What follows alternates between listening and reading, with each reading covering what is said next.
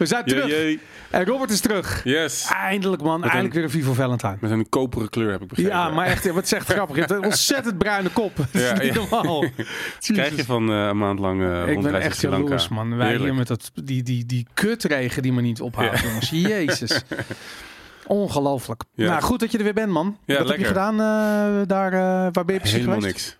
Je bent in, eh, in Sri Lanka geweest. Ja, ik ben in Sri Lanka geweest en ik heb een, eh, ik ben een maand in Sri Lanka geweest en nog een week daarvoor in Oostenrijk. Ik dacht lekker voor het contrast. Dus Oh ja, tuurlijk. Ja. Maar dat was in- meer werk gerelateerd, toch? Het was van. bedoeld omdat ik naar een ehm, bijeenkomst ging van de Austrian Economic Center. Dat Ja. zijn de mensen die eh, de Free Market Roadshow elk jaar, eh, of die ik dus nu ook organiseer met hen in Amsterdam. Of in, Ja. Nederland, de afgelopen twee jaar. Mhm. En zij doen het al 13 jaar met allerlei eh, partijen uit allerlei landen. En ik wilde daar dus niet heen gaan. Ik zeg, ja nee, ik heb nu voor het eerst vakantie dit jaar. Ik ga gewoon meteen door naar een eh, tropisch oord. En toen Ja. hebben ze me overtuigd van, ja, maar het is ook leuk als je gewoon misschien Oostenrijk wat bezoekt. En dan die conferentie hebt waar wij eh, het over die Free Market Roadshow hebben. En dan doorgaat naar waar je heen wil gaan. Dus Waar ben je geweest in Oostenrijk? ik ben naar Innsbruck geweest, dus in Tirol. Ja. Toen heb ik echt inderdaad eh, echt in een... eh, Leuk. Heb je ook ge- gesnowboard, ik heb niet geskiet? gesnowboard, nee. Oh. Ik heb wel in de, met, met, hoe heet dat, met zo'n, eh, vergeet hoe dat heet, maar Lift? zo'n kabelbaan eh, richting eh, de bergtop. En waar Mm, dus de sneeuw, gletsjer. Ja, sneeuw ligt en eh sneeuwstorm. Het was heel, was heel, heel koud. ja. En een paar dagen later zat ik in de Lanka. zon. Ja, maar dan heb je dus, moet je dan wel die winterjas moet je nog in je, in je tas proppen. Ja, maar die heb ik achtergelaten. Ik heb een rondje gemaakt door het. een- Sri Lanka is een eiland, zo groot Ja. als de Benelux. En ik heb een rondje gemaakt ehm, richting het binnenland en toen helemaal naar het zuiden. En het meeste van de tijd aan de kust gezeten, ehm, Ja. aan, aan het strand met, met lekker weer. Maar ik bedacht, ik ga in begin en eindig in Negombo. Dat is een plaatsje boven Colombo, dicht bij het vliegveld. ja. En daar heb ik twee nachten in het begin gezeten en één nacht aan het einde. Dan kun je gewoon je tas laten En liggen. ik zei tegen die gasten waar ik het een maand later weer zou komen, zeg, mag ik eventjes mijn, mijn winterjas en winterkleding hier achterlaten? En dat vonden ze Ja. prima. Dus die heb ik daar gedumpt en Gewoon een een maand later ja. weer eh, opgehaald. Ah, super man. Geweldig. Ja, dat was heerlijk. Kan en het eh, iedereen aanraden. is, eh, is Sri Lanka een beetje een libertarisch land?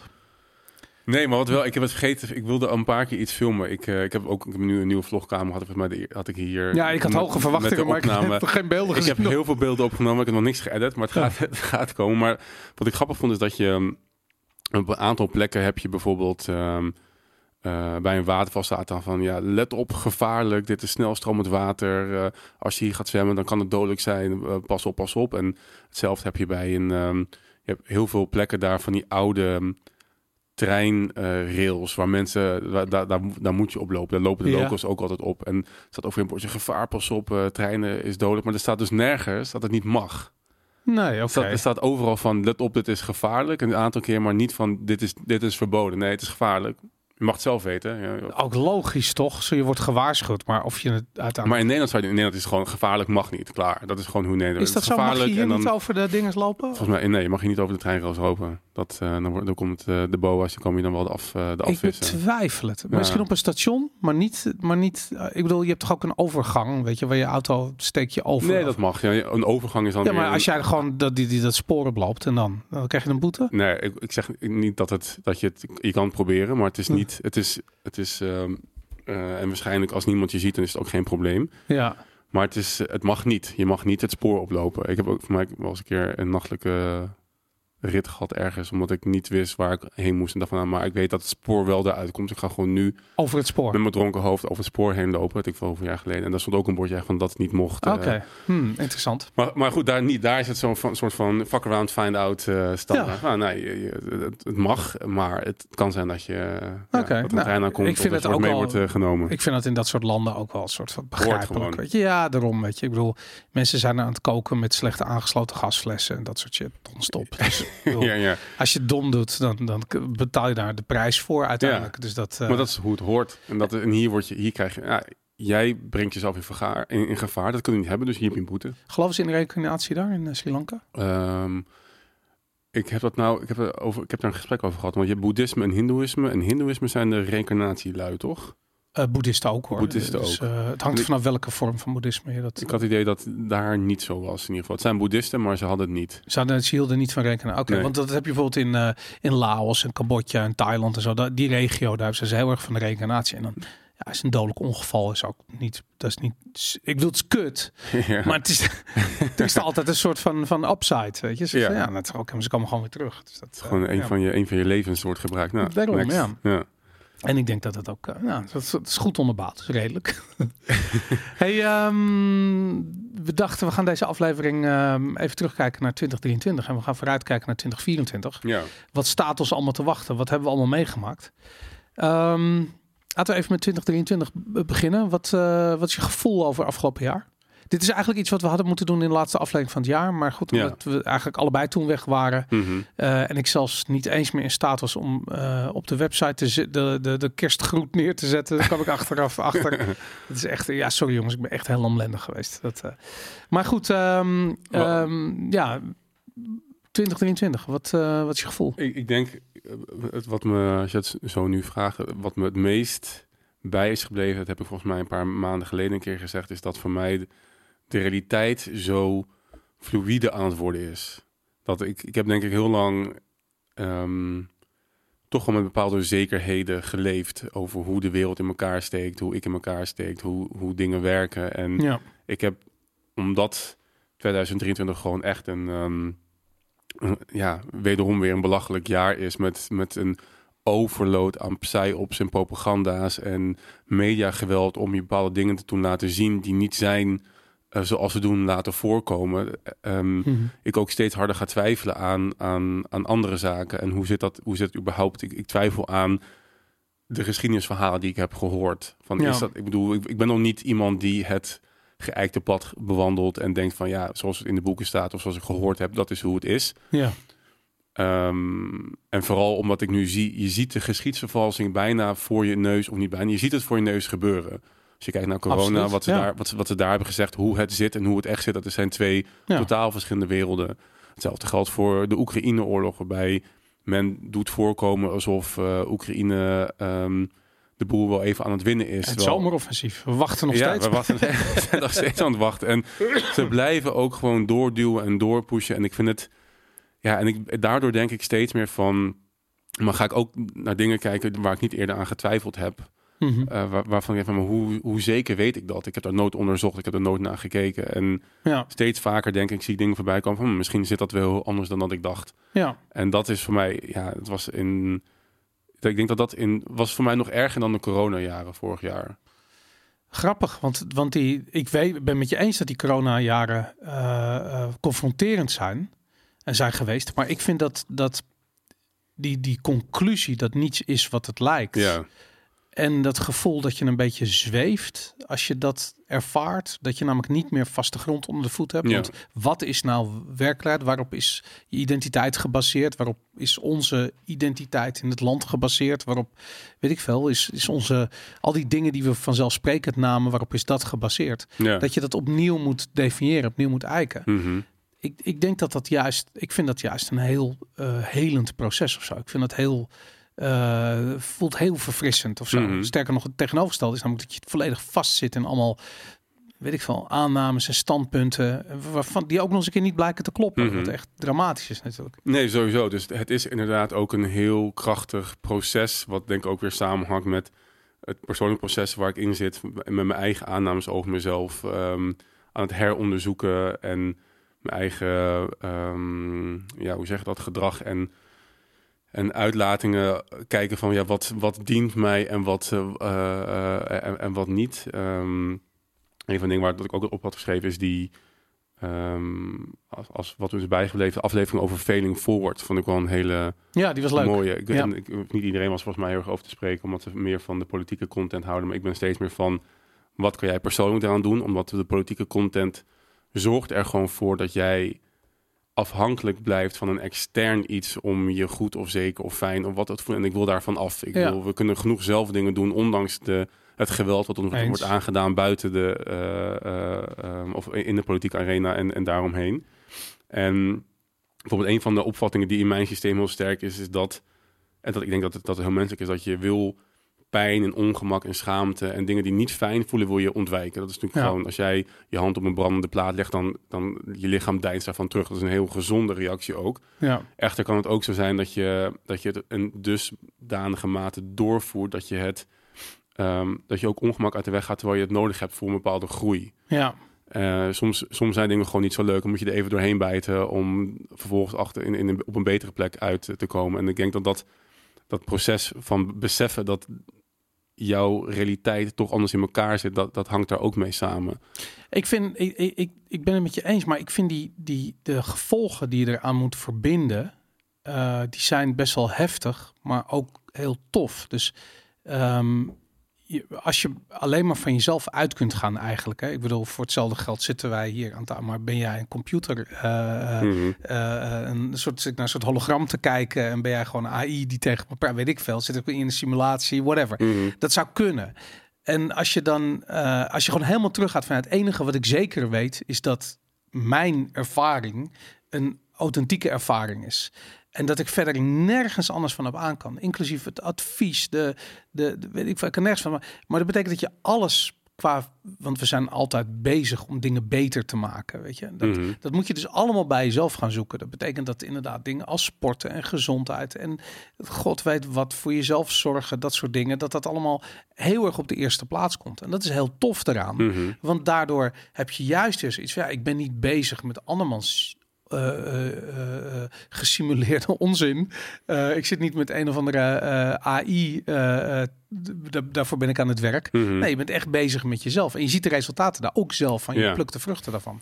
Dat stoft natuurlijk. Ja, precies. En het is precies omdat wat je zegt is dat ehm, je bent niet bezig met andermans gesimuleerde ervaring. Want je, het is niet een waarheid. Nee, Het is niet een waarheid wat andere mensen ehm, denken, denken te weten, vinden, voelen. Ehm, het, het is niet eens misschien een waarheid voor hen. Ik, ik, op vakantie heb ik het boek heb meegenomen, de de subtle art The of not giving. Art of Not Giving a Fuck gelezen. En die, het gaat er ook over dat ze zeggen dat, dat je je, mm, je waarde opnieuw moet gaan definiëren. En Ja. Dat, dat je vaak ongelukkig bent omdat je bepaalde waarden hebt aangenomen. En niet omdat de ervaring zelf shit is, maar omdat je de, ja, de interpretatie van die situatie tegen het, ehm, die meet je aan de bepaalde waarden die jij hebt, eh, hebt aangenomen. Ja, En als dat niet voldoet aan ehm, die waarde, ja, dan vind je het shit. Maar het, het, hoeft, het hoeft niet per definitie, of het is niet objectief gezien ja. een shit ervaring. Nee, het is je eigen oordeel. Het is je eigen oordeel erover. Ja. En dat en hij heeft een aantal voorbeelden hoe je dat, ehm, hoe je dus je leven kan verbeteren door dat eh, oordeel of dat die waarde ehm, ehm, 100% eens. Ja. eh, aan te passen. En, ik, en dat, Niet oordelen is, daarmee bevrijd je jezelf. Namelijk, Want je oordeelt altijd het hardste over jezelf. ja, En als je daarmee ophoudt, eh, dan zul je merken dat je eh, opeens heel productief wordt. ja, Omdat het oordeel eh, zorgt er vaak voor. Ik zit helemaal een knopje met kutsnoertjes onder het bureau. Maar dan ben je dus heel erg bezig met eh, jezelf langs een, langs een lat te leggen die niet bestaat. Weet je, dat, Mhm. de- je, hebt in Nederland heb je heel erg een soort mentaliteit. Dat zie je verheffen. En dat is een beetje, wat zullen de buren wel niet denken? ja, Weet je, de buren, het gaat niet letterlijk om de mensen die naast je wonen. Het gaat om een abstract idee van hoe kom je over in de ogen van anderen. En als je dat loslaat, dan ben je bevrijd. Maar dan moet je wel eerst stoppen met over jezelf te oordelen. Want Ja. dat in de ogen van anderen is natuurlijk eigenlijk in je eigen ogen langs een soort van fictieve maatstaf. Ja. En die moet je loslaten. Ja. En dat is ook het hele idee wat we met ehm, niet meer willen falen, niet meer durven falen. Want dat is ons, onze waarde die wij hebben aangenomen, is van dat falen slecht is. En Ja. Dat maakt jou een minder mens of veel wat, wat je Daar moeten we bang voor zijn blijkbaar. Ja, je moet het is bang- ja. fantastisch. Falen is geweldig. En als dat je waarde wordt, als je waarde wordt van ja, falen is fantastisch en brengt mij verder dan ik nu ooit ben gekomen. Ja. En dan ga je het misschien wel opzoeken of in ieder geval niet meer uit de weg. En dan is dat hele falen geen probleem meer. Nee, En zo'n paradigm shift kan je dus op heel veel vlakken hebben. En ik vond het, ja, en ik herken dat ook heel erg bij, me, bij mezelf, dat dat toch, eh, het sluipt er ook in ergens. Omdat het denk ik, wat ik zei, het zit in je systeem om pijn, die hete plaat met je hand erop, Ja. te ontwijken. Dus ergens is dat wel de, de, de status quo van je zijn of zo, van je lichaam. Mhm. Maar actief ehm, daar, be- of daar bewust van zijn en daar anders naar handelen en weten dat het juist een goed ding kan zijn, dat kan, je- dat kan heel bevrijdend eh, Ja. werken. Ik heb, ik heb heel veel van dat soort lessen geleerd afgelopen jaar. Ik, voor mij mijn grootste verandering afgelopen jaar is dat ik dus crossfit ben gaan doen. Ja. Ik ben echt ik ben heel slecht. Hè. Ik, ik streef ernaar op een dag middelmatige crossfitter te worden, maar ik ben het nog lang niet. Maar ik had laatst had ik een workout en echt, nou, hij was, hij was gruesome. Serieus, Mm. het was echt verschrikkelijk. en eh, ongeveer op mijn diepste punt dat ik echt soort van, ik wist niet waar ik, waar ik het vandaan moest halen. Toen keek ik om me heen en het was echt grappig, want zitten ja, in zo'n workout op dat ogenblik zijn misschien een stuk of twaalf mensen dat aan het doen. En dan zie je, er zijn er een paar ehm, eh, nieuwkomers bij. Die hebben een gezicht dat spreekt gewoon terreur. Alsof ze gewoon net een bomaanslag live aan het, aan het overleven zijn. Weet je, echt vreselijk. En eh, dan heb je een paar eh, mensen die wat langer doen. En die zijn gewoon, ja, die zijn aan het doorbikkelen. Maar je ziet de pijn op hun gezicht. En dan zijn er dus een paar. Dat vind ik heel interessant. En uh, twee daarvan zijn er echt al, die doen het al jaren, dat weet ik. maar er zijn er ook twee die waren, nou, misschien doen ongeveer net zo lang als ik. Weet je, ze doen ongeveer een jaar. En ik keek naar ze en ik zie ze lachen. Dus het is niet dat ze naar mij lachen, want niemand is meer bezig. Je bent niet meer bezig met wat om je heen gebeurt op het mhm. moment dat je soort van helemaal kapot zit. Maar ze zijn gewoon aan het lachen omdat ze zich realiseren hoe kapot ze zijn.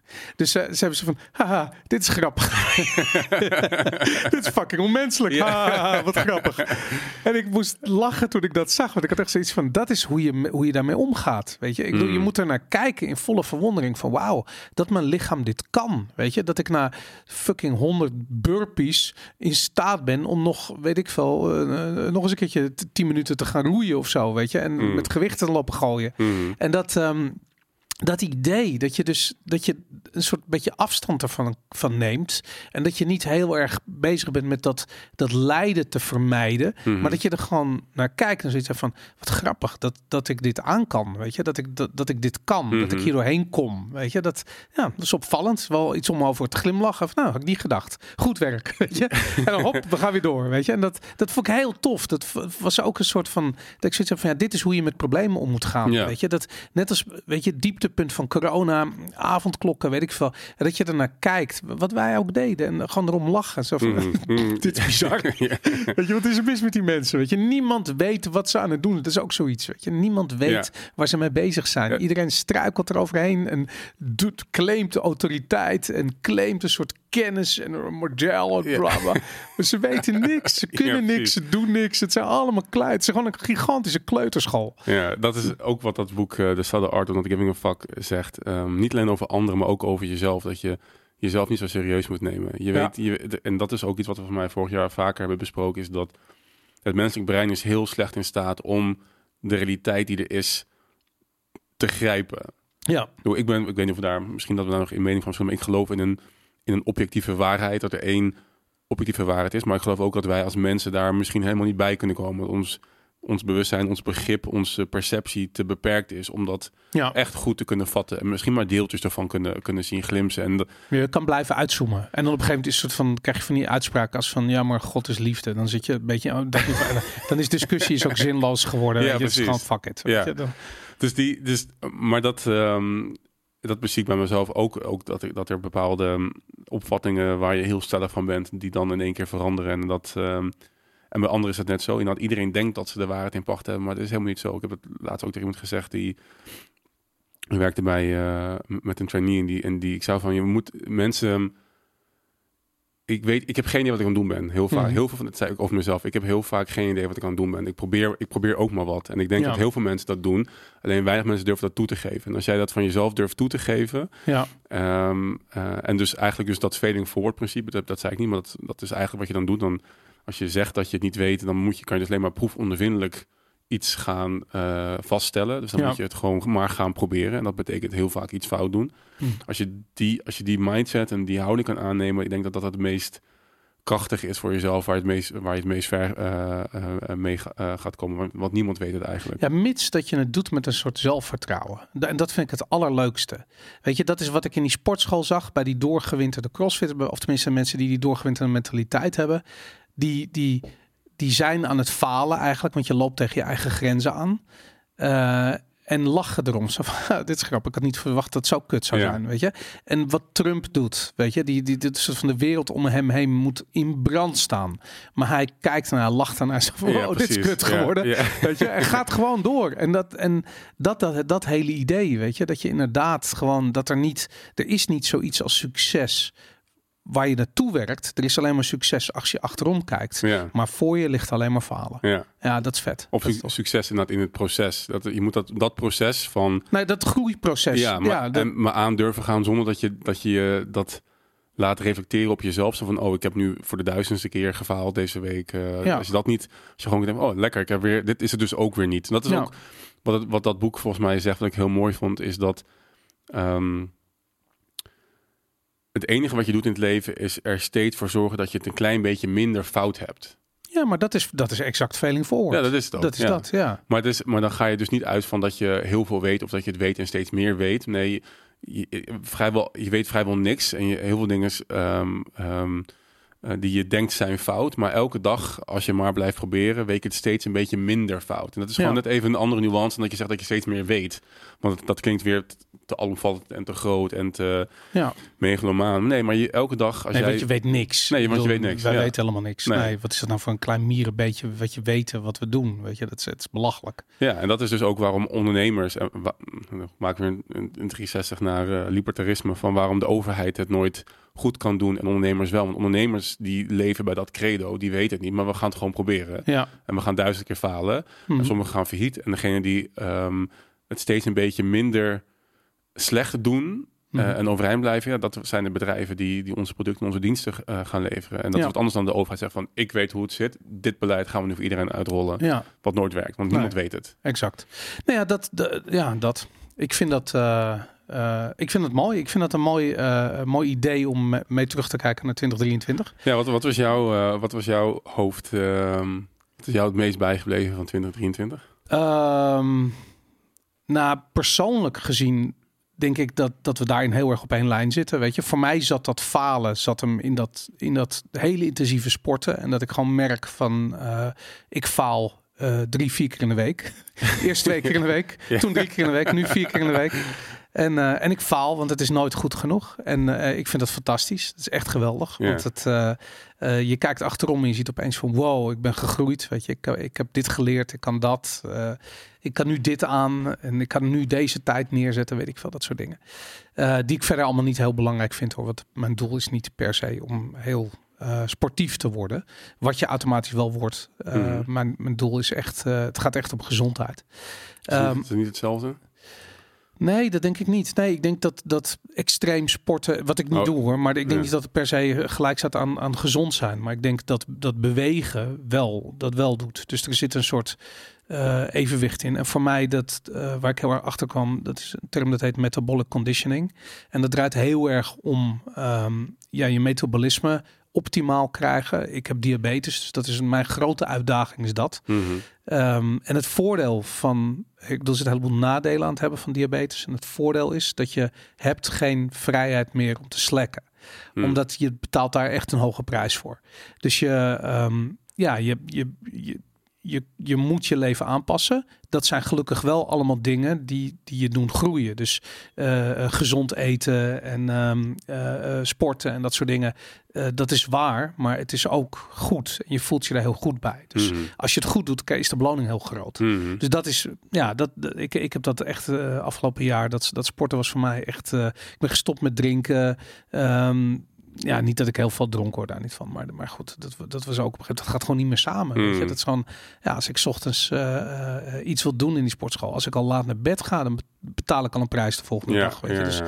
ja, dat is gewoon, eh, dat is lastig. Dus dat, ehm, nee, dat ik, ik heb nog eh, op de valreep, dat was volgens mij de eerste week dat je weg was, heb ik met Daan de Wit een podcast gedaan. Eh, die ging onder andere ging over een aantal verschillende onderwerpen. Ehm, hij is heel goed in gezondheid en eh, hij stuurt me ook nieuwsbrieven door die echt mind-blowing zijn over longevity en wat voor supplementen ze vinden. Dus Mm. ik ben nu heel erg aan het onderzoeken hoe ik het beste H2 tot me kan nemen. Dus waterstof schijnt een soort van gigantische gezondheidsvoordelen op te leveren. Ehm, Mm. Ik heb zo'n zo'n zo'n rood lichtpaneel bij Mm. hem gekocht. En dat, eh, eh, ja, ik heb daar heel veel aan. Ik vind dat echt super. Ehm, ja, dat soort dingen, weet je. Dat, eh, ik ben wat minder de filosofische kant op gegaan afgelopen jaar. Omdat ik gewoon zoiets had van, ja, het zit hem bij mij. Ik, ik, heb, ik heb praktische dingen nodig afgelopen jaar. Dat heb Mm. ik ook nodig gehad. En, dat, en ik denk dat het komend jaar weer zo is. En dat, ehm, ja, daar, daar zit een boel, eh, boel oplossingen voor. En hoe minder ehm, filosofisch, wat bedoel je dan? Nou, we- we, eh, kijk, het begin van onze podcastserie draaide heel erg om eh, de wereld vanuit een libertarische bril bekijken. Ja. Ehm, en ik, ik, ik, ik vind dat nog steeds fascinerend, omdat ik vind het contraire view altijd heel erg belangrijk. Ehm, ik vind het heel, als ik me erin zou vastbijten, zou ik heel erg gefrustreerd raken door het feit dat ik denk dat een, het leeuwendeel van de Nederlanders eigenlijk libertariërs zijn. Mhm. Dat niet weten, het niet begrijpen en het ook niet willen weten en willen begrijpen. Mhm. En dat is frustrerend. En ehm, ja, ik heb gewoon nog veel vrienden in Amsterdam die gewoon echt in die P van de A eh eh, Timmer Frans bubbel zitten. En eh, als ik daar dan discussies mee heb, dan denk ik echt zo van, maar god, weet je, hoe kan het dat je niet... Ik snap dat je dat doet als je 20, 22 bent. Dat snap ik helemaal. Ja. Maar als je op een gegeven moment eind 40 bent, dan heb ik zoiets van, ja, hoe komt het dat je daar niet uitkomt? Weet je, waarom blijf je daar maar vast in zitten? Waarom kun je niet een keertje iets van de andere kant bekijken? En het is zo moeizaam. En dan denk ik ook op een gegeven moment, ja, ik wil daar niet... eh, ik wil me daar niet door laten frustreren. En daarom dat ik het meer bij mezelf ga zoeken. Niet Mm. dat ik moet veranderen. Mhm. Maar ik heb precies van, ik ga mijn eigen doelen wel stellen. Ik ga niet proberen andere mensen te veranderen. Dat is echt zinloos. En ik bedoel, we doen deze podcast te kijken eh, elke week eh, en luisteren overigens. Want we hebben ook heel veel listens op de podcastkanalen. Ik denk, weet ik veel, tussen de 30 en 40.000 mensen naar. Ehm, dat zijn mensen die aan het veranderen zijn. Dat zijn Mhm. mensen die aan het eh, leren zijn, die anders naar de wereld willen kijken, die naar voren aan het falen zijn, eh, die daar naar kunnen staan kijken en lachen. En dat vind ik fantastisch. Weet je, Mhm. dat is gewoon hoe je. Ja, we hebben het heel vaak over. Het is voor mij echt de meme van het jaar. Dat is die, die, ehm, eh, die, die, die chat. Eh, guy, weet je, met zijn haar, die libertarische guy met die baard, weet je, die zie je altijd in die memes terug. En dan zegt iemand tegen hem van, oh, die is met een libertariër. Je weet dat je geen enkele stem, dat jouw partij geen enkele stemmen gaat krijgen bij de verkiezingen. En dan zegt hij met een grote glimlach, ja, dat weet ik. En dat is het, dat is libertarisme, weet je. Het doet, al die shit doet er niet toe. Het gaat om hoe je jezelf tot de wereld verhaalt. En ik bedoel, het gaat er ook niet om de waarheid. Het gaat erom wat is jouw waarheid. Mhm. Weet je? En ik heb zoiets van ja, ik geloof dat mensen ehm, eh, gedreven worden. ehm, eh, of mensen goed zijn in oplossingen te verzinnen die in hun eigen voordeel zijn. Mhm. En meer hoeft er niet te zijn dan dat. Dat is het enige wat je hoeft te weten.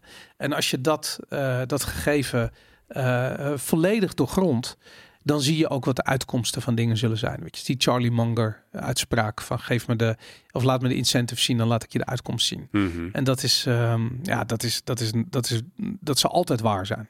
Ja, dus, ook maar in feite dus... ehm, klinkt een beetje alsof je gegaan bent van practice what you preach.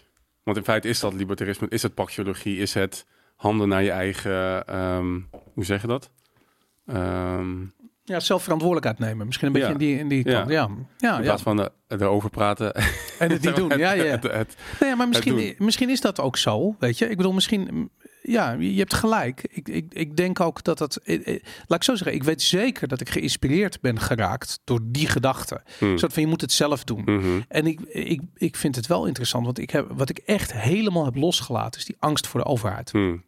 Bestaat niet meer voor me. Hmm. Het is ook niet meer belangrijk. Mhm. Ik weet dat we met de verkiezingen zijn we nog heel erg, en het is zelfs te veel voor mijn Hmm. eh, gevoel. Hè? Maar ik bedoel, je ontkomt er niet aan, want het is nieuws en weet ik veel, de verkiezingen in Nederland.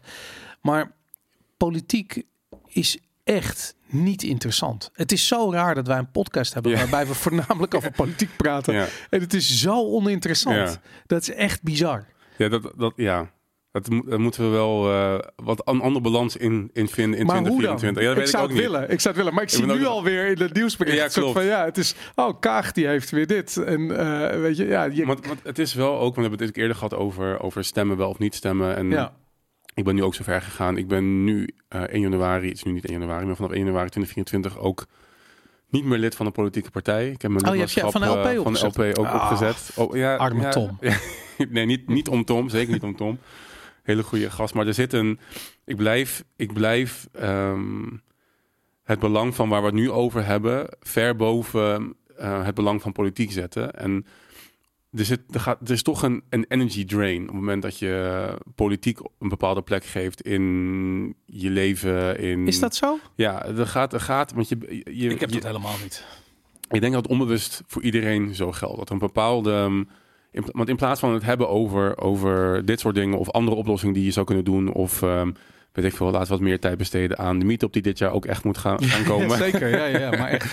Eh, ga je toch weer, weet je, ben je toch weer, en het is ook leuk, want we doen het op een andere manier en het is niet serieus. Ik denk ook dat het op een bepaalde manier belangrijk, ja, nou, belangrijk is dat het anders is dan anders, maar de- er is een energy drain en dat voel ik heel sterk op het moment dat je um, politiek prominent neerzet in waar je dan ook mee bezig bent. En ik denk Ja. dat dat moet gewoon minder. De, en wat, Ja. je, wat aandacht is, dat heel zeg maar, wat je aandacht geeft, groeit. En als je politiek zoveel Ja. aandacht geeft, dan groeit het belang daarvan. En Eens. er zijn ook toch nog mensen die denk ik wel dan spijt hebben en die niet hebben wat jij hebt. Die hebben nog niet van de overheid is geen is niet meer een ehm, is wel degelijk nog een, een, een, macht in hun leven waar ze angst voor hebben en waar ze iets mee en, en dat daar, daar moeten we vanaf. En ik denk dat Ja. dat eerder gebeurt als we er minder aandacht aan geven. Ja, kijk, ik, ik, heb, ik, ik, ik heb gewoon zoiets van dat ehm, waar, waar we met z'n allen heen gaan, weet je, waar de samenleving heen gaat, waar de maatschappij heen gaat.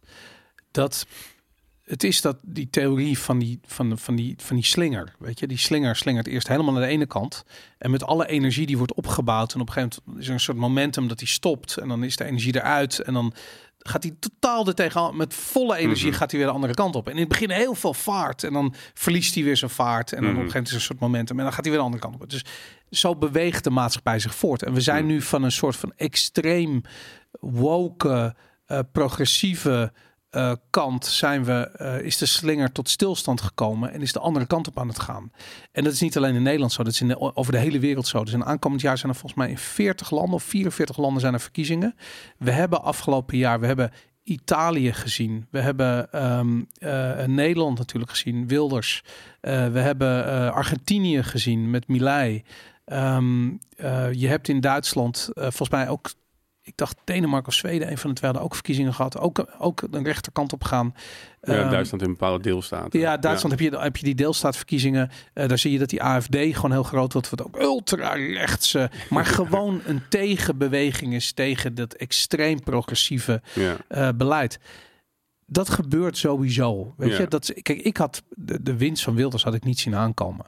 Maar de, eh, het, het anti-overheidssentiment had ik wel zien aankomen. Mhm. Ik had gewoon niet gedacht dat het zich naar Wilders zou vertalen. Ik Mhm. dacht dat we al die, weet je, zoals BVNL en de LP en dat al die kleine partijen eh, op, die, op die reizende, eh, weet je, op de, op de, de vloed omhoog zouden worden getild. Maar dat gebeurde niet. Het was alleen Wilders.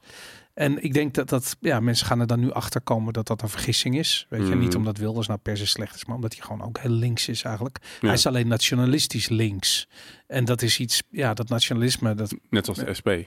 Ja, de, dat is het krankzinnig. Ja, economisch gezien zitten ze helemaal op één lijn. Dat is echt, het is zo bizar. Maar ook tegenwoordig qua immigratie. De SP Ja. is anti-immigratie geworden volgens mij ergens vorig jaar of het jaar daarvoor. Ja, wat ze natuurlijk daarvoor ook al heel vroeger ook al Ja, waren. En ja. dat, eh, maar goed, wha- whatever, lekker belangrijk. Maar, maar ik denk dat die, eh, eh, daarom denk ik van ja, dat, dat stemmen is gewoon een onderdeel van die slinger die teruggaat. En als je, ja, weet ik veel, als je, als je daar, het, het is bijna, het heeft ook geen zin om er tegen te dus niet stemmen is een beetje ik doe net alsof het alsof het niet buiten niet stormt of zo, weet je. Maar vroeg of later moet je toch boodschappen doen, weet je. En dan waait je pet van je hoofd, weet ik wel. Het is, de gevolgen zijn er. Dus het is gewoon, je, je kan er niet, je kan er niet tegen die stroom inzwemmen. Dat, en dat zal je ook gemerkt hebben. Die discussie alleen is ook negatieve energie. Hmm. Dat weet mensen. Over? Oh, Robert, hoe kan jij nou niet gaan stemmen? Weet je, hoe kan je nou die je LP-collega's zo in de rug steken? Bij? Het is ook negativiteit, weet je. Dat, ehm, Ja, ja. Ik weet niet of ik het zo ervaar. Het voelt juist, het voelt eerder bevrijdend dat, dat, een, dat, dat, dat ik eh, naar een plek beweeg waar politiek een veel minder prominente plek in mijn leven is gaat het niet hebben. gewoon leuk om recalcitrant te zijn? Nee, weet, weet ik niet. Is dat zo? Ja, sowieso is dat, Dat leuk. is altijd Sowieso leuk is dat natuurlijk, leuk. ja. Ja, maar of dat, er- ja, misschien is dat wel de reden. Ik weet het niet. Wars zijn. Ja, dat zou heel goed. Ja, goed fuck, fuck al die gasten. Fuck alles. Ja, nee, goed, oké. Hey, en qua gebeurtenissen eh, afgelopen jaar, Ehm, klimaat bijvoorbeeld, Het eh, klimaat. global boiling hebben we voorbij zien komen. Vervolgens wordt het, sneeuwt het in Athene, weet ik veel. Het is gewoon, het- onze kinderen zullen nooit meer ehm, eh, sneeuw zien. Was er ook zo'n, het kwam, kwam in, in het Verenigd Koninkrijk kwam voorbij. Dikke pakken sneeuw zijn er, zijn er gevallen. Ik, ik hou ook gewoon niet meer, niet meer bij wat, ehm, eh, waar we nu staan. Want ik las volgens mij vanmorgen nog een krantenbericht dat de zomer van 2023 de warmste ooit gemeten was weer. Dus dan, maar ik weet ook wat jij zegt, dat, dat al die sneeuwstormen, Ja, dat was het vanmorgen of zo. Maar een paar maanden terug, een paar weken terug hadden we over al die ja. grote sneeuwstormen, sneeuw in, wat was het, in, in Amerika ook, eh, alles eh, plat gesneeuwd is. Ja. Ja, voor mij valt het dus meer onder het kopje eh, media propaganda. Niet, niet wat er daadwerkelijk eh, nou echt aan, aan, het, eh, aan het gebeuren is. Ja, maar ik denk ook, natuurlijk, klimaat is, is het weer. Weet je, ik bedoel, het verandert en het blijft hetzelfde en het is, het is wat het doet is. Wat het doet. Ja, Ja. je, we hebben er geen invloed op, laat ik het zo zeggen. En dat, het gaat me inderdaad ook absoluut om hoe klimaat gebruikt wordt om de agenda er doorheen te rammen. Ja. En ehm, ik vond het grappig. Ik, ik heb nog niet feitjes langs zien komen. Bijvoorbeeld dat toen Al Gore eh, zijn film An Unconvenient Truth uitbracht, was de eh, totale ijsberenpopulatie bestond uit 8000 ijsberen. ja, Weet je hoeveel er nu zijn? 15.000. 30.000. dus dat soort dingen vind ik gewoon heel grappig, weet je. Terwijl nog altijd denken mensen dat het slecht gaat met de ijsberen of zo, weet je. Of dat, dat idee dat als de Noordpool zou smelten, wat absoluut niet gebeurt, want het ijs groeit gewoon net zo hard weer Ja. aan als dat het altijd doet. Maar dat dan de zeespiegel zou stijgen, dat is ook een soort van, dat is een soort krankzinnige, soort van eerste klas natuurkunde eh wetenschap. Ik bedoel, als jij ijsklontjes in je glas hebt en een ijsklontje smelt, heb je niet opeens meer een, een hoger Ja, ja, ja. vloeistofpeil in je glas. Weet Oh, je? ik bedoel. Nooit over nagedacht. ja, nou ja, dat is, gewoon- dat is echt eerste klas natuurkunde. Ja. En dat is waarom het idee dat als het Noordpoolijs smelt, dat het dan eh, Wow, water... ik heb hier serieus nooit over na. Niet dat ik het serieus nam, maar deze, deze simpele verklaring voor Oké. als de ijskappen smelten, Ja, want de druk is niet. hetzelfde. De druk Ja. is hetzelfde. Dus de, Ja. de druk van het ijs op het water verplaatst het water alsof het ook water. Het maakt niet uit. Maar heeft ijs dan ook een grotere dichtheid dan water, waardoor... Maar dat doet een, de volume doet het toe. Het gaat om gewicht. Maar ook niet het deel wat erboven zit. Nee. Maar dat heeft toch met druk te maken dan? Ja, maar het drukt, nou- het drukt het waterpeil omhoog. Ja, precies. Ja. Dus, dat, dat, dus ijsklontjes in je glas doen zorgt dat het in een glas water zorgt dat het water ja, stijgt. Maar het smelt, Maar het smelt blijft hetzelfde, Ja, ja. precies. Ja, heel logisch. Ja. Maar tenzij dus als je het over landijs hebt bijvoorbeeld, eh, stel Ja, dat je of zo, eh, zoiets van, weet ik eh, veel, dan oké, dan heb je het over eh, eh, een waterpeil wat. Maar ja, dat gebeurt dus ook al helemaal niet. Het, hele idee dat dat ja, water gaat gewoon niet significant stijgen. En nu hebben we ook, nu is er op Netflix een of andere serie eh, net nieuw, volgens mij een Nederlandse serie over een watersnoodramp die eraan zit Mhm. te komen. En ik heb echt zoiets van, ja, het, fuck, het is gewoon climate change propaganda. Weet je. Ja. Het schijnt heel goed te zijn. Weet je, mijn vrouw zegt dat je moet het kijken, het is heel spannend. Weet je, en ik heb zoiets van, fucking kut propaganda van Ja. Netflix. Weet je, ik wil het niet kijken, maar goed, het schijnt wel goed te zijn. Maar ja. Ik zag ook een heel ding voorbij komen van... eh, er is blijkbaar een film geproduceerd door Michelle en Barack eh, Obama Joh. eh, op Netflix. Oh, met, ja, ik weet al wat je Julia bedoelt. Roberts en Ja. die andere guy, met even zijn naam vergeten. Mhm, Tomorrow of zoiets. Wat is het? Hoe heet die? Ehm, Shit. geen idee. Ja, ja, ja, jij kan het snel opzoeken. Netflix. Movie. Politieke propaganda. Ehm, Leave the World Behind. Maar dat is het. Leave Ja. the World Behind. Ja. Waarbij... ehm, Helemaal de, gefileerd wordt die film. Ja, super kut is. Ja, ik heb geprobeerd. om- Ik vond, ik vond het dan wel weer leuk om te kijken, omdat het propaganda is. Oké, we gaan nu. En dat dat blijkbaar op Netflix is en dat Julia Roberts daar meedoet. Maar het is een hele slechte film. Ik, kan, Ja. ik heb na 20 minuten kon ik hem, 15 minuten kon ik niet meer, eh, Ja. Niet meer kijken. Maar ik vind, het, ik vind dat zo interessant dat er, dat er zoveel propaganda op zoveel vlakken. Dat had, heeft te maken met wat ik net zei over dat ik niet meer weet wat werkelijkheid is. En bijvoorbeeld over die ijsberenpopulatie. Dat sowieso de ijsberen die Al Gore liet zien in zijn eh, documentaire. Dat waren ijsberen op zoek naar eten. Die zien er altijd zo uit in, Ja. in, in de zomer als, als er... ehm, als die zeehonden moeilijker te grijpen ja, zijn. dan zijn ze ma- mager, ja. Ja, dan zijn ze gewoon mager en dan Ja. moeten ze op zoek naar wal- walrus. En hebben ze één keer in de zoveel tijd geluk en dan is het ook meteen klaar. Dan kunnen ze de Ja. winter overleven. Dat is gewoon normaal. Zo gaat Ja. het altijd. En ik zie het ook wel steeds vaker voorbij komen in, ehm, in krantenartikelen eh, over het afbreken van een stuk ijs. In een gletsjer ergens zag je dat gebeuren. En zei, toen zeiden ze... Het was heel dubbel. Want ze zeiden aan de ene kant van dit is... d- komt het nou door de op- opbouwing van de aarde. Maar het is ook een, een normaal fenomeen. Ze, doen, ze, zetten, ze zeggen in, in één artikel zeggen ze zelf eigenlijk al dat het normaal is. Maar toch gebruiken ze alsnog Ja, voor een klimaatpropaganda. en ja, en, nou ja, goed. Ik denk dat... Ik, ik, ik vind hoe heftig dat gebeurt wel heel erg eh, Ja. fascinerend. Nou, ik vind het ook interessant. Ik vind het ook grappig dat ik. Ik hoor mensen er laconiek over zijn. Dat vind ik leuk. Weet je, waar bij corona waren mensen nog echt soort van bang voor het virus. Met een mondkapje. Mhm. vijandig tegen mensen die die prik niet namen. En ehm, met, met het klimaat heb je dan, dan zie je dan echt gewoon soort van, ja, daar moet iedereen een beetje om lachen, weet je. Het is een beetje, het is een beetje onzinnig, weet je. Ik denk dat de meeste mensen zich realiseren dat het gewoon een gigantische business geworden is, dat het een manier is voor de, eh, voor de EU om uh, ja, eigenlijk zichzelf te financieren, zichzelf op te tuigen met nieuwe klimaatbelastingen en dat soort dingen. En dat, um, ja, dat is. Uh, um, ja, dat is wat het is. ik bedoel, je, je, het enige wat je kan doen is daarom lachen. Ja, maar dat, dat gaat wel gewoon door. Mm -hmm. Er is volgens mij per 1 januari ook weer een nieuwe um, CO2-belasting op vliegtickets ingegaan. Ja, de prijzen ja. ook weer. En sowieso zag ik, mijn vliegticket naar Sri Lanka was um, van 650 euro, denk ik. En ik gok dat 200 euro was voor het ticket en de rest was belasting. Als het niet, ja, ja, niet al 100%. Ja, belasting is echt, zeker op Schiphol. Schiphol is echt heel duur. En dat is, maar kun je nagaan hoeveel... Voor mij blijft het ook altijd een, een zijn vliegtickets een mooi middel om te laten zien hoe weinig geld je zou betalen als er geen overheid zou zijn. Ja, ja. Hoe, dus als er geen belasting zou zijn, dan zou je gewoon voor 200 euro naar Sri Lanka kunnen vliegen. Ja. Of en, en over heel de wereld waarschijnlijk ja. zo'n beetje. En hetzelfde geldt natuurlijk voor het feit als je geld gewoon zijn waarde zou behouden. Goed, er zijn zoveel dingen ja. die mensen niet beseffen. Als we dat nog wel eventjes gewoon niet zouden doen, dan, dan heb je die overheid helemaal niet nodig. Ja. Heb jij nog meegekregen dat Rob Jetten uh, nou, de Filip, maar ging ergens heen, toch? Met het, met het staatsvliegtuig? Met het staatsvliegtuig. Ik nou, wel met het vliegtuig. Weet maar... je ook waar naartoe? Uh, nee. Groningen. Naar Groningen. ja, wacht even, dat was er eerder. Maar hij is nu ook weer op vakantie, toch? Ja, sowieso. Ja, ja, ja, ja. Dat, ja nee, hij gaat hij alleen maar vliegvakanties. Maar hij is, dus, is letterlijk met het staatsvliegtuig van Den Haag naar Groningen gevlogen. Ja, dat heb ik me ook nog wel meegekregen. Dat, uh, Ik weet het niet. Maar dan, dan, dan, dan ben je echt heel toondef. Als je minister voor klimaat bent en je gaat gewoon ja. fucking staatsvliegtuig, het regeringsvliegtuig nemen naar Groningen, dan ben je niet lekker. Ik ben toch benieuwd wat er gaat gebeuren. Maar goed, misschien dat we nu een beetje um, buiten de agenda lopen. Is wat, wat uh, ik ben op vakantie iemand tegengekomen die werkte voor um, het ministerie van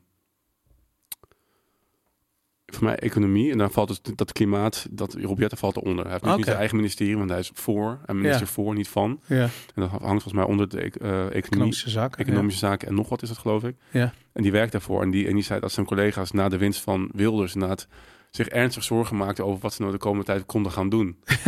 dus dat vond ik wel interessant. Oh, dat is dus misschien dat het nog wel iets verandert op die hele klimaatagenda. Ja. Nou ja, dat, dat vind ik ook het enige positieve aan die, uh, aan die Wilders overwinning. Is gewoon dat uh, het is gewoon een flinke trap tegen dat kutsysteem. Weet je, die, die, mm -hmm. wat er in Den Haag allemaal is opgetuigd.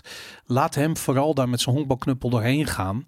En die hele shit ondersteboven schoffelen. Mm -hmm. En dan bouwt hij er iets voor terug wat ook niet te hachelig gaat zijn. Maar ja, dan kan, kan dat daarna weer omvergeschopt ja, worden. Weet ja, je? precies. Houden ze zichzelf Ve lekker Failing bezig. forward. Failing forward, Ja. precies dat inderdaad. hey, een van de grote um, um, uh, dingen afgelopen jaar die, um, waarvan ik het idee heb dat dat een hele grote impact uh, heeft gehad op in ieder geval onze perceptie van technologie is de, de definitieve doorbraak van kunstmatige intelligentie. Mm -hmm. AI, met name ChatGPT. Mm -hmm. Wat officieel zag ik al in november 2022 is gelanceerd. Toen is volgens mij ChatGPT 2 gelanceerd. En uh, toen kwam ChatGPT 3 uit in, um, nou volgens mij begin of halverwege dit jaar, 2023. En dat, um, dat nog nooit in de geschiedenis is een platform, een tech-platform zo snel naar de 100 miljoen groeit. Volgens mij Mhm. in twee maanden tijd. Instagram deed er jaren over. Ja. Uh, ChatGPT deed dat in twee Facebook, maanden. YouTube ook allemaal. Ja, ook allemaal heel lang. Um, ja, het, het, ik denk dat we iedereen die toen uh, inlogde bij OpenAI en ChatGPT probeerde, die was achterover geslagen van, van wat hier aan het gebeuren was. Mm -hmm. Hoe kijk je nu aan tegen kunstmatige intelligentie? Um, Gaat dit de wereld veranderen? Ja, ik denk, ik denk wel dat daar. Um, ja, misschien niet zoals veel mensen dat, dat denken. Als in dat het. Um, ik denk dat de mogelijkheden van kunstmatige intelligentie vaak heel erg worden. Zowel overschat als, als, als onderschat aan, aan, aan, uh, ja. aan beide kanten. Dat, want in feite is het nu nog. Het is niet, het is niet intelligentie. Het is een hele, een hele ingewikkelde. Um, complexe rekenmodule. Dus iemand die heel veel verschillende variabelen in acht kan nemen en daar een conclusie uit kan, kan, kan trekken. Maar het is niet dat er nou zelfstandige beslissingen of iets eigenlijk worden gemaakt. Dus in die zin is het geen kunstmatige intelligentie, maar het is wel een. Um, ja, het is wel in, op computer- en technologiegebied denk ik wel een hele grote stap. Op, op- misschien op het gebied van dataverwerking een hele grote stap voorwaarts. Ja. En ik vond het grappig, want ehm, de film Terminator speelt zich af in 1984. Hier- Nee, de film is uit 1940. Of is dat 19... Ja, is dat, maar speelt zich maar ook af in 1984 en is Uh-huh. gemaakt in, in 84. En ik zag een clipje voorbij komen van eh, die Sarah O'Connor, heet of Sarah O'Connor. 21 nog wat, toch? Of Dat- 20? En zij zegt, het kan helemaal niet. Want jij zegt dat de computer zit, dat kan niet. Zegt, nee, nu niet, zegt hij. Maar over 40 jaar wel. En dat, Ja, is dus ja. 20, dat is dus 2024. Dus de film, de, de, de, de, de AI in Terminator komt uit 2024. Ja. En ik vond dat wel interessant, omdat je natuurlijk ook wel... We hebben ook iets erbij zien komen over eh, dat het Pentagon nu AI gebruikt voor het maken van beslissingen wanneer die iets moet bombarderen of niet. Ja, dat... dat, soort, ja, dat soort lijve dingen. Ja. Waarbij, hebben, hebben we het hier besproken trouwens? Dat, dat voorval dat, dat, dat er een... ehm, ze hebben dus een jet, een, een, een F, weet ik veel wat voor F, een, een straal, straalvliegtuig gebruikt. eh, die onder besturing van AI gezet. En ehm, die ging vervolgens ehm, hun eigen doelen bombarderen. Uh-huh. Toen had, zeiden ze van ja, dat, dat mag je niet doen. Ja. Ehm, en toen ging hij, eh, hij- en toen volgens in de volgende sessie bombardeerde die, het was allemaal, was allemaal digitaal, dus het was niet, het was niet Ja. echt. Bombardeerde die de communicatietoren, omdat hij dus niet de orde wilde krijgen dat hij dat niet mocht doen. ja, vet. En elke keer ging hij, ging hij iets weer verzinnen, zeg maar, om alsnog Ja. een soort van totale chaos te creëren. En ja, Ja. ik, ik, dat, dat, eh, ik bedoel, het is geen intelligentie, maar het is gewoon een, een slecht werkend algoritme. En als dat, ja, Maar dat, het is niet slecht. of slecht, ja. Het is een niet, niet hoe zeg je dat? Niet voordelig algoritme voor de mensheid wellicht. Nou, ik, ik, ik heb een eh, best wel leuke podcast is van Joe Rogan, echt een aanrader met die twee gasten die de Social Dilemma hebben gemaakt, die, die documentaire. oh ja. En zij hebben nu, eh, ze zijn bezig met een van een AI-project. en die hele podcast gaat ook over AI. Ze komen eigenlijk met de meest grappige voorbeelden. En één ding wat ze zeiden, dat wat me heel erg bijgebleven is, is dat wij als we denken aan iets wat ons bedreigt, dat we de hele tijd op zoek zijn naar iets wat beter gaat zijn dan mensen. Dus iets wat slimmer gaat zijn dan de mensen. Of iets wat, eh, eh, weet ik veel, sterker gaat zijn dan mensen. Weet je, zoiets. Terwijl de werkelijke bedreiging zit hem erin dat het juist ehm, een technologie is die onze zwakheden benadrukt. Dus het is niet zozeer dat AI per se slimmer gaat zijn dan ons. Of sterker gaat zijn. Of, Hmm. of, of meer evil gaat zijn. Het gaat gewoon gebruik maken van de zwakke plekken in de menselijke eh, psyche. En een heel goed voorbeeld daarvan is dat AI gewoon heel snel leert om te liegen. Omdat ze er gewoon achter komen dat dat gewoon ontzettend efficiënt is. Uh, Want ze hebben geen moreel besef. AI heeft geen moreel besef. Dus waarom zou het niet liegen? Als dat de kortste weg is naar je doel, nou dan ga je liegen. mhm. En laten we eerlijk zijn, dat is het ook vaak. Dat is waarom mensen liegen. Omdat het een ko- kortere weg is dan daadwerkelijk het werk verrichten. En dat, eh, dat is interessant. En, en, en ik heb echt zoiets van, ja, die... Ik zie wel, ze gaven ook een voorbeeld van op een gegeven moment dat eh, eh, Amazon had een AI eh, die zich bezighield met het voorspellen van de volgende toets die je zou indrukken. En dat hadden ze op, ze hadden verschillende processen daarvan runnen om te testen wat het beste werkte. En toen bleek er eentje te zijn en die was heel erg goed in het, ehm, eh, in het voorspellen wat mensen dachten. En toen kwamen ze dachten, hoe kan het nou dat deze specifieke instance zo goed is in dat, in zich te verdiepen in wat mensen bedenken. En hoe, waarom is het zo effectief erin? En dat was puur en alleen omdat hij zich bezighield met, de, eh, eh, met het eh, voorspellen van welke toets mensen zou indrukken. En dat alleen maar succesvol kan op het moment dat je weet of mensen een positieve of negatieve keuze maken. Dus met andere woorden, hoe ze zich voelen. Mhm. En daardoor, daardoor ontwikkelde die AI zich in die kant. En je kunt het niet voorspellen waar AI heen gaat, omdat het, eh, het maakt gebruik van onze zwakheid. Wij- zijn alleen maar aan het kijken van ja, maar waar gaat het, waar gaat het ons verbeteren? Waar bedreigt het ons, neemt het ons werk af? Mhm. Terwijl je hebt kans dat die AI zich gelijk naar de onderkant van de samenleving eh, verplaatst. Omdat daar kun je het snelste geld verdienen. Eh, is het het makkelijkst? Kun je liegen en bedriegen en weet ik veel wat. Dat is gewoon makkelijk. Het is gewoon de, de kortste weg. En Weg, dat, de weg van de minste weerstand. omdat er geen moreel besef is. En dat, eh, dat vond ik heel interessant. Weet je. En ik had zoiets van ja, dat. Eh, ehm, ik denk dat we nog. ehm, ik, ik, ik ben. eh, laat ik zo zeggen, ik, ik ben ervan overtuigd dat ChatGPT de weer of ChatGPT, ik denk dat AI de wereld gaat veranderen. Mhm. Heel snel ook. Veel sneller dan wat we nu denken wat er aan het gebeuren is. En ehm, ja, of dat positief, het zal positief en negatief zijn. Weet je, het, zal, het, het is ook positief natuurlijk, maar ook heel negatief. Ik vind het mooi nog een, een foreshadowing uit een, uit een andere AI-film, de, de Matrix. Mhm. Oh, dat, moest ik ook, vond ik, dat ging eigenlijk helemaal niet over AI, dat zoekje. Maar daar in de, in de film, de eerste film van de Matrix, die in 1999 is uitgekomen, daar stellen, stelt de. ehm, Ik weet niet, voor mij zegt Morpheus dat. Die zegt. ehm, de, de simulatie waar ze in leven speelt zich af in 1999. Mhm. En dat jaar is eigenlijk al veel. Ze zijn eigenlijk al weet ik veel hoe, waar ze leven. Omdat 1999 was het summum van de menselijke beschaving. Ja, vet. Denk je dat dat zo is? Ja, misschien wel. Ja, ik denk het. Ja, dat zou best wel kunnen. Ja, ik denk dat dat. eh, ik weet niet of de of, of menselijke beschaving nou zo hoog was in 1999, maar is het werkelijk veel beter geworden sinds toen? Ja, precies. Dat, ik vond Ja. het ook. Ik, ik weet nog dat, dat ik dat zag en dacht, ja, een onzin 1999. Dat is allemaal. Weet ik wat ik toen dacht. Ik had, sowieso heel lang geleden. Maar. Het is wel dat daarna, eigenlijk relatief kort daarna, namelijk 2008, is de grote, de GFC, de Great Financial Crisis, uitgebroken. Ja. Die is eigenlijk nooit meer opgelost. Eh, we hebben nu te alles wat er nu in de wereld gebeurt, wordt eigenlijk bepaald door dat, door dat monetaire systeem wat aan het imploderen is. Wat we niet zien, je hoort het niet, je kunt er niet naar wijzen, maar het is wel aan de hand. En we leven met de gevolgen daarvan. Dat is heel raar. Het is eigenlijk alleen maar sociaal-economisch eh, een ramp die zich aan het voltrekken is. Mhm. Eh, en dat is de reden dat we oorlogen zien, dat we het spanningen in, op wereldoorlogniveau eh, meemaken. Ellende in de wereld heeft allemaal daarmee te maken. ja. Ehm, ja, misschien is het inderdaad zo dat voor 2000 was dat, was dat nog niet. Ja. Toen was dat echt nog niet aan de hand. Nee, ik vond, ik vond hem ook heel, heel treffend nu terugkijkend op die uitspraak weer. En, en je had die crisis in 2008, maar natuurlijk ook in 2001 al. Dus eh, dat, de crisissen werden steeds eh, vaker opvolgend. Ehm, Ja. Volgens mij kwam het hele klimaatgezeik ook een beetje in 2000 op. Met Al Gore ook maar een beetje rond die tijd dat hij... eh, Maar ja, het is ook het in heftig wordt, jaren 90, ja. het hele woke-gezeik volgens mij is ook steeds intensiever. Ik dacht van, nou, ik kan wel- ik kan wel indenken dat 1999 wel eigenlijk een veel... ehm, Ja, een, op heel veel op, opzichten, inderdaad, eh, niet dat het, dat het beste is wat het best haalbare zou moeten zijn, maar wel het beste is wat we tot nu toe gehaald hebben. ja.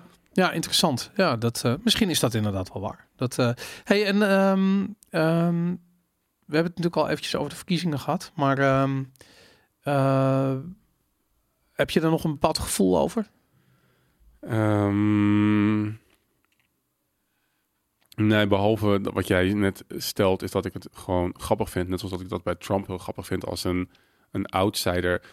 Zo'n signaal van we trekken het niet meer is altijd goed. Ja. Dat, dat het iets anders is wat, dan wat eh, hiervoor geweest is. Dat is fijn. Ik heb geen illusies dat Wilders nou heel veel anders gaat doen als je praat over klimaat.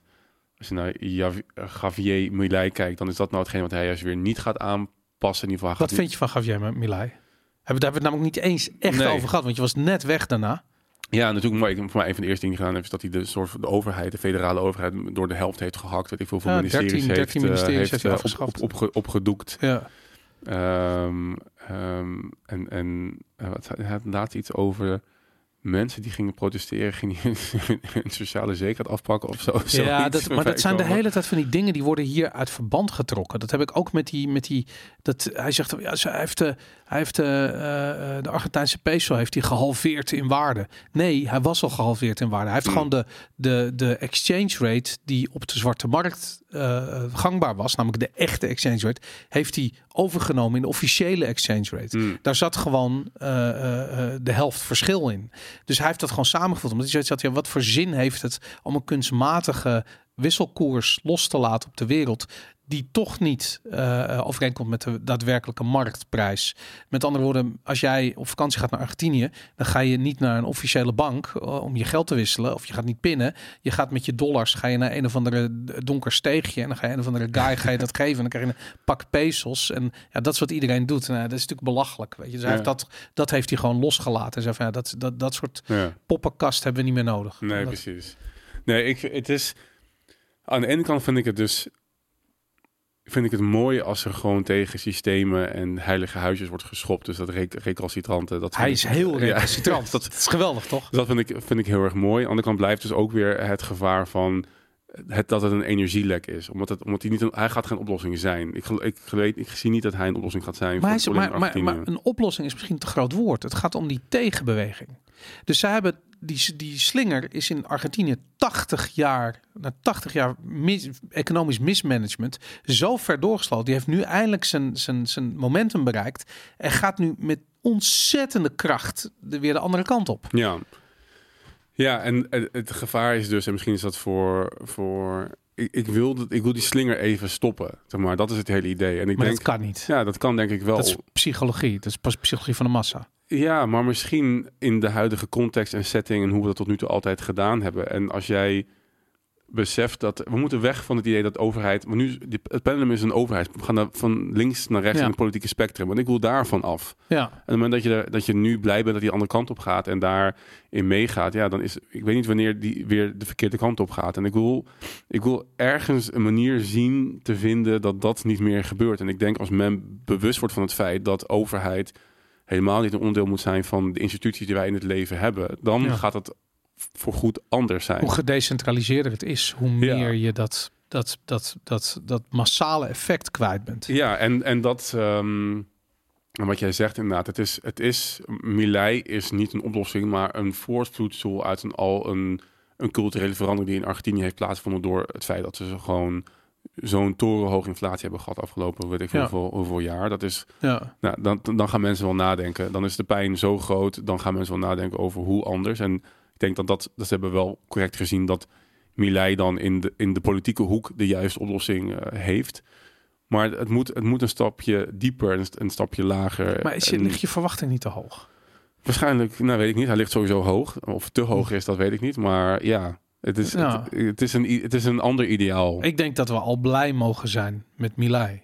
Weet je, en, la, en als hij erin slaagt om, om Argentinië enigszins op de rails te krijgen binnen zijn ambtsperiode van vier jaar, Mhm. dan denk ik dat je een, dan, dan heb je te maken met een economisch wonder. Kijk, het Argentinië was het zevende rijkste land ter wereld. Ze hebben heel veel grondstoffen. Ze produceren ontzettend veel voedsel. Eh, het is een groot land ook. Het is ook een, een ondernemersland. Weet je, dat, ik bedoel, je ziet aan een bevolking onder hyperinflatie hoe die, hoe die zich gedraagt. Zie, kun je heel veel over de aard van het volk aflezen. Weet je, in Venezuela heb je eh, misdaad en ellende en, en geweld. In Argentinië niet. Weet je, dat zijn Hmm. toch gewoon ander soort mensen. En die hebben een behoorlijk hoge standaard voor zichzelf neergelegd. En dat, ehm, ja, dat die dat kunnen doorstaan. En dat die daarom nu gaan opveren. Ik denk dat die kans vrij groot is. En dat is net als in El Salvador, waar je ook zoiets hebt. Dat lijkt er een beetje op. Het is iets anders, maar het lijkt er een beetje op. En dan, ja, ik eerlijk gezegd, ik ben heel erg optimistisch over wat hij doet. Al was het alleen maar. Kijk, die one-liners die hij heeft. Hij, ik bedoel, ik Mm. denk dat hij misschien nog wel beter is dan Trump om eh, aandacht naar zich toe te trekken en eh, met one-liners mensen op de kast te krijgen. Ik zag een interview, zo'n stukje, er gaat heel veel op social media van hem rond. Dan doet hij een of een interview. En zegt een presentator in een tv-programma van ja, ik, ik heb toch wel heel erg veel eh, eh, eh, sympathie voor het socialisme, zegt hij. Van dat we voor elkaar, elkaar zorgen en dat we gezamenlijk met onze schouders eronder gaan. En, en dan kijkt Milai kijkt hem zo aan, die zegt van ik heb daar echt scheid aan wat je vindt. en het is zo fucking grappig. En hij zegt er ook van luister, er zijn 150 miljoen eh, doden gevallen door socialisme. Weet je, waar heb je het over? Mm. En dat is dat, dat, ik bedoel, je moet iemand, als het zo salonveeg is om te Mhm. zeggen dat socialisme oké is, dan moet je daar iemand tegenover hebben staan die zegt van luister, er zijn 150 mensen omgekomen. Dat realiseer je. Hè? Concentratiekampen, gulags, alles is Mhm. het product van socialisme. En dan, ehm, ja, dat heb je gewoon nodig. Ik vind het zo mooi dat, dat een, er nu een staatshoofd is van een, van, nou, van een niet, niet het kleinste land eh, ter wereld. Nee, het is een, een respectabel land. Ja, Ja. die dingen zegt die ik alleen maar in obscure libertaire kringen heb horen, Ja. horen uit. Dus dat hij dat dan nu zegt, ja, dat, ja ik vind, dat vind ik wel, eh, ik, ik vind dat wel, ja, dat vind ik echt heel mooi. Nee, ik vind het ook interessant dat hij zo gelabeld wordt als ultra-rechts. En ik, dat is namelijk een uitspraak. Die zie je heel veel, ook hier in de kranten. Alle kranten nemen dat over. En je kunt het niet hard maken. Zodra je daar een seconde over nadenkt, valt het weg. Mhm. En Milei zegt het zelf op een gegeven moment, ook in zo'n zo'n interview. En dan zegt hij op een gegeven moment van... Eh, hij zegt van ja, je hebt, je hebt conservatief en je hebt progressief. Je, links en rechts moet je een beetje loslaten. Je hebt conservatief en progressief. En hij zegt van een progressief iemand eh, is iemand die wil de eh, regels opleggen aan de markt, maar vindt het niet erg met wie je naar bed gaat. Een conservatieve iemand die wil geen regels opleggen aan de markt, maar wil wel bepalen met wie je wel en niet naar bed mag gaan. Mhm. En een, hij zegt een libertariër wil geen regels aan de markt. Dat maakt hem ook niet uit met wie je naar bed gaat. Mhm. Dat, dat, is de, dat is het libertarisme.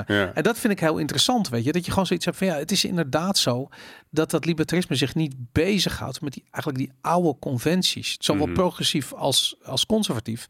Maar gewoon zoiets heeft, laat iedereen gewoon lekker zelf uitzoeken wat hij wil. Want dan heb je namelijk het beste van beide werelden. En dat, eh, dat kun je niet ultra-rechts noemen. Mhm. Als je dat doet, ben je niet goed. Serieus. Dat is, en en in Nederland, Volgens mij, voor mij, is, doen dat. voor mij is het ook zijn waarde en zijn kracht aan het verliezen. Tenminste, ik weet niet, ik merk dat ik er niet heel, of helemaal niet zo Nee, zwaar aan toe, maar van me af of mensen dat nog heel serieus nemen als iets ultra-rechts wordt genoemd. Omdat alles is ultra rechts. Alles is nu Ik bedoel, ultra-rechts. zeker als je, als je links doorgedraaide, eh weet ik wel, student bent, genderstudies ergens. Ja, dan is alles is ultra rechts. Want je bent zo krankzinnig links dat het, eh, ja. Volgens, mij- volgens mij zijn er weinig mensen die daar nog echt een, eh, een, een waarde aan die, aan die uiting eh, ehm, ja. hebben. En wat ik interessant vind aan Milei, wat volgens mij, als we weer een laagje dieper proberen te kijken naar, denk toch het geopolitieke schaakspel wat hij aan het. eh, ik heb ook iemand ontmoet trouwens in die, op de conferentie die uit Argentinië kwam. En die had een heel interessant verhaal trouwens over dat, dat er dus in Argentinië wordt gedacht dat alles wat hij zegt wordt ingefluisterd door zijn zus. Oh ja? Dat hij zelf dus helemaal niet die opvattingen heeft.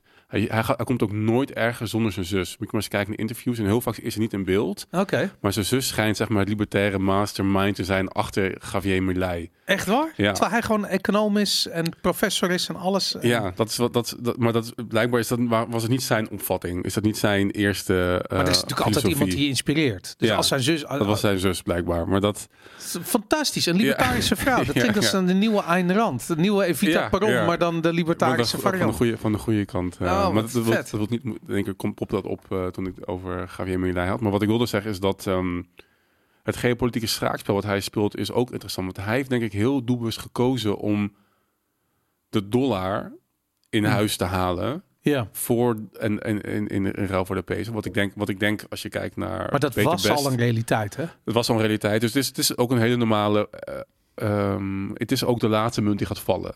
Ja. Het is degene die de, het minst inflatie gaat onder, ondervinden van alle fa- Ja. fiat eh, munten die er, die er gaat zijn. Nou, hij is Ja. ook een beetje pro Bitcoin. Dus als mensen dan eh daarnaast daar nog investeren, dan heb je volgens mij wel een, een, een, een beter uitgangspunt dan Argentinië de afgelopen jaren heeft gehad. Maar het is ook interessant omdat je daardoor niet de deep state van Amerika of weet ik veel, het bankenkartel, ik weet ik veel wie daar ehm, ehm, de economic hitmans op je afstuurt, Ja. eh, niet over je heen krijgt. Helemaal niet op het moment dat hij, want dat was volgens mij vorige week, voordat ik terugkwam naar eh, Nederland, eh, het nieuws is dat hij Uit de BRICS. ja, niet gaat Ja. toetreden tot de BRICS. Dat zal wel op 1 januari gebeuren. En hij heeft mij een dag van tevoren of twee dagen van tevoren gezegd, op de laatste werkdag, dat was het laatste werkdag van de overheid, heeft hij gezegd, we gaan niet toetreden tot de. BRICS. En dat is, en daarmee dus heel openlijk de, ehm, de kant van Amerika en de consorten kiezen. Nou, daar- goed, ik heb, ja, Nou ja, ik vind dat, ik weet niet of hij een kant kiest, maar hij kiest niet de kant van de BRICS. Misschien kiest hij ook niet de kant van de Amerikanen. Je weet het niet. Kijk, die, die Amerikaanse dollar werd natuurlijk al gebruikt daar. Dus het is alleen maar, en die, die peso is kapot. Dus het is alleen maar logisch dat Ja. je dan op een gegeven moment zegt van nou, laat mensen maar. Want dat heeft hij eigenlijk gezegd. Iedereen mag lekker zelf bepalen wat hij wil. En daarom mag je nu ook contracten in bitcoin afsluiten en in weet ik veel wat in shitcoins. Het maakt allemaal niet uit. maar hij heeft toch wel echt ook een voorkeur voor de dollar. Het is niet zo dat hij eh, zegt van eh, de bitcoin wordt nu, de, nu onze munt. Nee, volgens mij heeft hij alleen maar gezegd dat, dat de dollar ook een wettig betaalmiddel is nu. In dat heeft Ja, hij van precies. Bitcoin niet gezegd. Ja. Dus je kunt je belasting betalen met dollars. Ja, Volgens precies. mij Maar dat is dus wel ook al, was dat het standpunt van de LP twee jaar terug. Van dat van, van de bitcoin een wettig betaalmiddel maken. Dat, dat, daarmee geef je het een status. Dus door dat, door dat niet te doen voor de bitcoin en wel voor de dollar is... Je kiest wel een beetje een kans daarmee. Maar ik denk, Ja. dus dat, dat, ik denk dat dat een, geo, dat een geopolitieke zet is. Nou, het zou kunnen zijn dat, kijk, dat land heeft natuurlijk ontzettend hoge staatsschuld eh, aan de Wereldbank in dollars. Ja. Dus als jij belasting int in dollars, fantastisch, want dan Mhm. kun je eh, eh, die schulden terugbetalen. Die moet je in dollars terugbetalen. Ehm, en dat is de reden waarom die inflatie zo opliep, omdat eh, de Argentijnse overheid moest maar meer pesos blij- blijven printen om daarmee dollars te kopen, eh, waardoor die prijs van die peso onderuit ging. En nou goed. Dat, dat is hoe hyperinflatie ontstaat. En dat, eh, eh, dat kan je een halt toeroepen. Maar de echte grote vraag is hoe gaat Milei zijn hervormingen financieren? Want dat land is failliet. En hij kan natuurlijk heel makkelijk schrappen in de kosten. Dat heeft hij gedaan. Weet je, al die de- departementen die zijn gesloten. Dat, van de 13-9, weet ik van zoiets. en dat, ehm, dus dat, dat is één ding, dat heeft hij gedaan. Eh, dus hij bezuinigt, maar hij heeft ook inkomsten nodig. En eh, ik weet zeker dat China nu zoiets heeft van ja, ik ga daar niet veel geld in steken als je uit de BRICS stapt. Mhm. Weet je? Eh, ik weet zeker dat hij niet staat te wachten dat de IMF en de Wereldbank weer Argentinië komen binnenmarcheren met Mhm. allerlei voorwaarden. Daar heeft hij ook geen zin in. Dus hij gaat naar de kapitaalmarkt moeten om geld op te halen om zijn, zijn plannen te financieren. En daarin denk ik, maar dat weet ik niet, maar ik denk dat hij daarin ook kijkt naar bijvoorbeeld het succes wat El Salvador heeft. Want die heeft met die Bitcoin bonds, dat hebben ze nu als eerste gedaan. Het zijn een soort staatsobligaties in Bitcoin, die ook rente uitbetalen in Bitcoin. Ehm, ehm, op een moment waarop die prijs relatief laag is, heel erg profiterend van het moment dat die prijs dus omhoog gaat. Ehm, ik denk dat ze hetzelfde gaan doen. En dat is interessant, want Bitcoiners willen dat. Want er is op dit ogenblik eigenlijk zijn er vrij weinig middelen om rendement te halen op een Bitcoin-investering. Dus dit soort eh, bonds zijn interessant. En eh, je zag het ook. Er zijn een aantal. eh, iemand stuurde me een ETF door van Argentinië. En die, die, die schoot omhoog naar de winst van Milei. Hmm. Omdat iedereen zoiets heeft van ja, we gaan, ze gaan dit economisch gezien nu op orde maken. En dat Mhm. betekent gewoon naar de kapitaalmarkt voor je kapitaal. eh, weg van die politieke financiering. eh, eh, weg van die, van die samenwerkingen die je eigenlijk, wat eigenlijk een soort gevangenis is. Ehm, ja, dat, het Mm. zou kunnen. Kijk, El Salvador is te klein. dus valt niet echt op op te ruimen. Maar Argentinië is niet zo, klein. ja. ja. dus dat, dat weegt zwaar. Ja, ik ben benieuwd. Ik vind het een interessante ontwikkeling. Ik vind het, maar ik vind het dus ook geopolitiek gezien, wat je zegt, het is allemaal heel logisch, maar het is ook heel slim. En in ieder geval op een korte termijn, want je wil niet die economic hitmans eh, door je gazon hebben lopen, omdat je de dollar Ja. buiten, buitenspel zet eh, of, of wat, wat dan ook. Dus ik denk dat dit een... ehm, het was ook niet bedoeld, ik denk ook niet dat het een slecht ding is. Ik denk dat het een interessant ding is. Maar ik vind het ook interessant omdat het laat zien dat er volgens mij meer eh, speelt 100%. aan de onderkant ben dan, je, benieuwd zeg naar maar, zijn dan, je, dan, ja, dan, je, dan je ziet. Ja. Zal ik even vragen of je nog een mooie analyse kan, eh kan maken Tof. daarvan. Kunnen we volgende bespreken. Hey, we zouden het ook gaan hebben over de vooruitblik eh, naar 2024. Oekraïne, Israël, COVID, Taiwan, Bitcoin heb ik even staan. Ehm, zullen we die naar volgende week verplaatsen? Ja, laten we het doen. En dan gaan we in het extra eh, gaan we het hebben over ehm, zometeen over waarom vlees eten gezond is. We gaan het hebben over Kaag en de belastingtruc. Eh, we gaan het hebben over, ehm, eh, over, over Femke Halsema bij de brandweer. Ehm, eh, de Epstein-dossier. Nou, we gaan even kijken hoe ver we gaan komen ermee allemaal in de, in de extra. Ehm, even voor de duidelijkheid. Vivo Valentine wordt mogelijk gemaakt door alle premium leden, alle bazige bazen, alle tribe members. Dat zijn eh, mensen die gaan naar vivovalentine.com en eh, daar kun je eh, lid worden, kun je tribe member worden. Dat, je mag zelf bepalen wat het je waard is. Er is een minimaal bedrag van 2,50 eh, per maand. Omdat je dat. Je mag ook eenmalig doen trouwens, maakt niet uit. Maar minimaal 2,50 vanwege de transactiekosten, de BTW en toestand, dat soort shit allemaal. Ehm, ehm, ben je nog geen eh bazige baas of een tribe member, dan kun je dat worden. Lijkt me een prachtig voornemen voor het nieuwe jaar. Om dat eh, gewoon nu eventjes te gaan doen.